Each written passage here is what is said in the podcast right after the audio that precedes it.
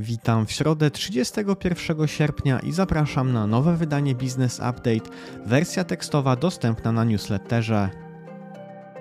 Business Update to codzienne informacje biznesowe. Odsłuchaj przed pracą i zacznij dzień z przewagą. Wczoraj WIG20 pogłębiał dołki, spadał o 2,5% do 1535 punktów. Najbardziej indeksowi ciążyła spółka JSW. S&P 500 także spadał o 1%, 3986 punktów. Dolar kosztuje nieco mniej niż euro, za które trzeba płacić 4,72, co oznacza nieznaczne umocnienie złotówki. Gospodarka i makroekonomia. Przyjęty projekt budżetu na kolejny rok zakłada, że PKB Polski wzrośnie o 1,7% i inflacja wyniesie 9,8%, a deficyt sektora finansów publicznych będzie stanowił około od 4,2 do 4,4% PKB. Ponadto zakłada wzrost stóp procentowych w Polsce do 7% w drugiej połowie tego roku, a od czwartego kwartału kolejnego roku ich stopniowe obniżanie. Według premiera zużycie gazu w tym roku spadnie do 18 miliardów metrów sześciennych, czyli około 10%. Jak dodał, pokazuje to poszczególne branże zaczęły wdrażać własne plany efektywnościowe, które my wspieramy. W ciągu kilku dni przedstawi mechanizm pomocy dla branży nawozów. Według raportu Polskiego Instytutu Ekonomicznego produktywność pracy w średnich polskich firmach wynosi zaledwie 30 tysięcy euro na jednego pracownika, jest prawie o połowę niższa od średniej unijnej. Dodatkowym problemem są także niskie nakłady na badania i rozwój. Narodowy Bank Węgier podniósł główną stopę procentową o kolejne 100 punktów bazowych do 11,75%. Tym samym Węgry mają najwyższe stopy procentowe w całej Unii Europejskiej. Informacje biznesowe. Prezes Eurocash Paweł Surówka poinformował, że spółka nie wyklucza przejęć, ale obecnie nie ma targetów na horyzoncie. W swojej strategii na kolejne 3 lata grupa skupia się na organicznym rozwoju sieci franczyzowych i partnerskich, chce pozyskiwać około 500 sklepów rocznie. Inne cele grupy to umocnienie pozycji największego hurtownika w Polsce i zbudowanie platformy technologicznej. Ważnym zadaniem jest integracja hurtowych biznesów, dystrybucji cash and carry oraz serwisu na bazie których ma zostać stworzona największa na polskim rynku platforma handlowa dla właścicieli małych sklepów. Nowa gra spółki C Games The Lords of the Fallen ma więcej o 30% oczekujących na premierę niż najlepiej sprzedająca się gra spółki Sniper 2 na dzień przed premierą, która wygenerowała ponad 60 milionów złotych sprzedaży. Wydanie The Lords of the Fallen planowane jest na przyszły rok, a jej trailer obejrzano prawie 7 milionów razy. Prezes Urzędu Regulacji Energetyki ustalił kolejną umowę, która powierza operatorstwo na gazociągu jamalskim spółce Gas System, która wejdzie w życie 1 stycznia kolejnego roku i będzie obowiązywać do 6 grudnia 2068. Dziś kończy się promocja na stacjach paliw Orlen, Lotos, BP i Shell obniżająca paliwo o 30 groszy. Tauron wczoraj poinformował, że blok w Jaworznie został naprawiony przez wykonawcę zastępczego Remak, jednak zdaniem odsuniętego Rafako naprawa została wykonana metodą uproszczoną, co grozi utratą gwarancji, a powstałe problemy wynikały z podawania nieodpowiedniego typu węgla. Rafako, czyli też wykonawca inwestycji, sugeruje, że Tauron obwinia konstrukcję inwestycji, bo będzie chciał po zakończeniu procesu inwestorskiego skorzystać z gwarancji bankowych, co może zagrozić egzystencji Rafako. Wcześniej spółka zależna Rafako otrzymała wypowiedzenie umowy o prace eksploatacyjne i koordynacyjne przez Nowe Jaworzno Grupa Tauron.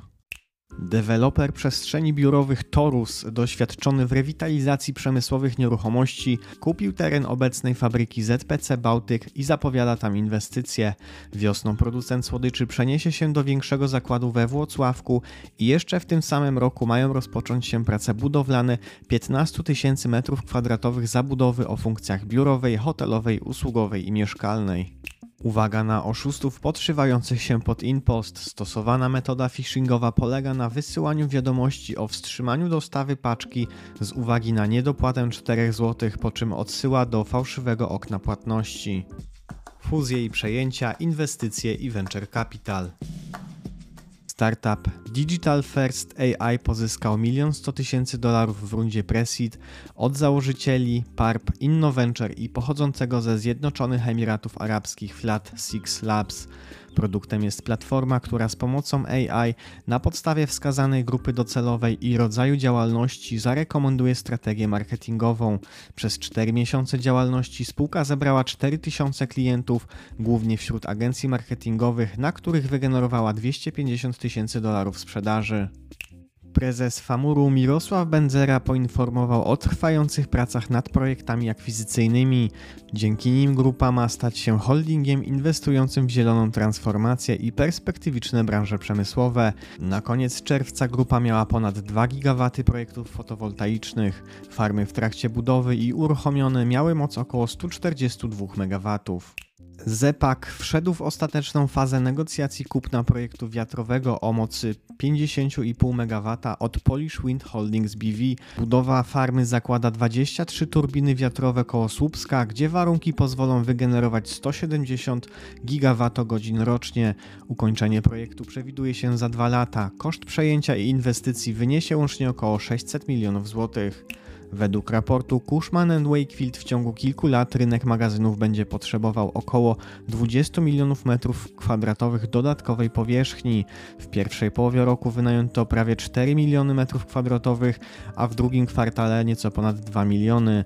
Stan pustostanów to obecnie nieco ponad 3%, czyli około 867 tysięcy metrów kwadratowych. Prawo i podatki. NSA potwierdził, że zakwaterowanie pracowników w pobliżu miejsca pracy to ich przychód. Do kwoty 500 zł miesięcznie jest on zwolniony z PIT, jednak powyżej tej kwoty pracodawca musi pobrać zaliczkę na PIT. Dyrektor KIS w interpretacji potwierdza, że przedsiębiorstwa, które wydzielą organizacyjnie, finansowo i funkcjonalnie odrębny dział tylko w celu zużycia wyrobów gazowych na cele opałowe skorzystają dzięki temu ze zwolnienia z akcyzy. Według sprawozdania za zeszły rok prezes UOKiK znacznie częściej niż w poprzednich latach podejmował interwencje związane z funkcjonowaniem przedsiębiorców na rynkach cyfrowych i naruszeń z wykorzystaniem nowych technologii. Priorytetem UOKiK ciągle pozostaje wykrywanie niedozwolonych porozumień między przedsiębiorcami. W USA orzekł, że wszystkie produkty, w których znajduje się dodatek zanieczyszczony tlenkiem etylu, powinny zostać wycofane z obrotu, bez względu na to, czy w ostatecznym artykule spożywczym wykryto tę rakotwórczą substancję.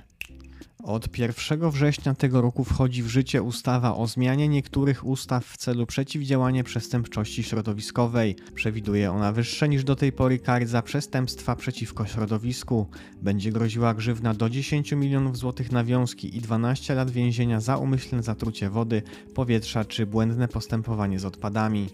Dyrektor KIS uznał, że opłaty eksploatacyjne, jeśli są refakturowane przynajmniej opodatkowanym zryczałtowanym podatkiem dochodowym z działalności gospodarczej, to traktowane są jako przychód z tej działalności.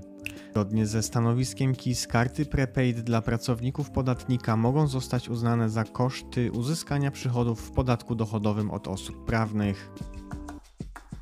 Wiadomości rynkowe. Agencja Rozwoju Przemysłu podała, że wynik finansowy netto sektora górnictwa węgla kamiennego wyniósł w pierwszym półroczu około 5 miliardów złotych wobec 1,5 miliarda straty w roku ubiegłym. Przychody branży niemal się podwoiły do prawie 26 miliardów złotych.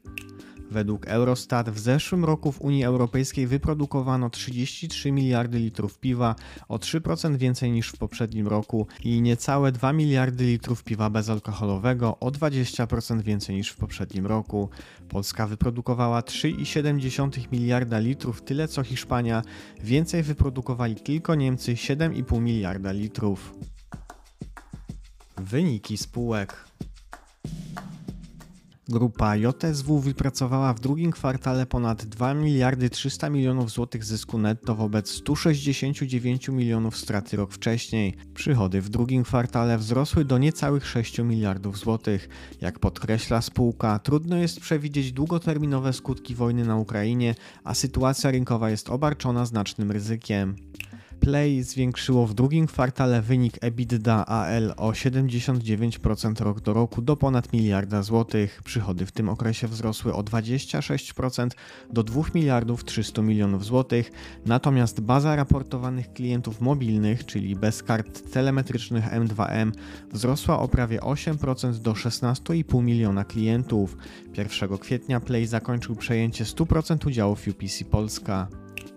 Asseco Poland w drugim kwartale wygenerowało 141 milionów złotych zysku netto i 540 milionów złotych zysku operacyjnego przy przychodach 4 miliardów 236 milionów złotych, czyli 23% wyższych niż rok temu. Portfel zamówień na ten rok to około 12,5 miliarda złotych, czyli o 24% więcej niż rok temu.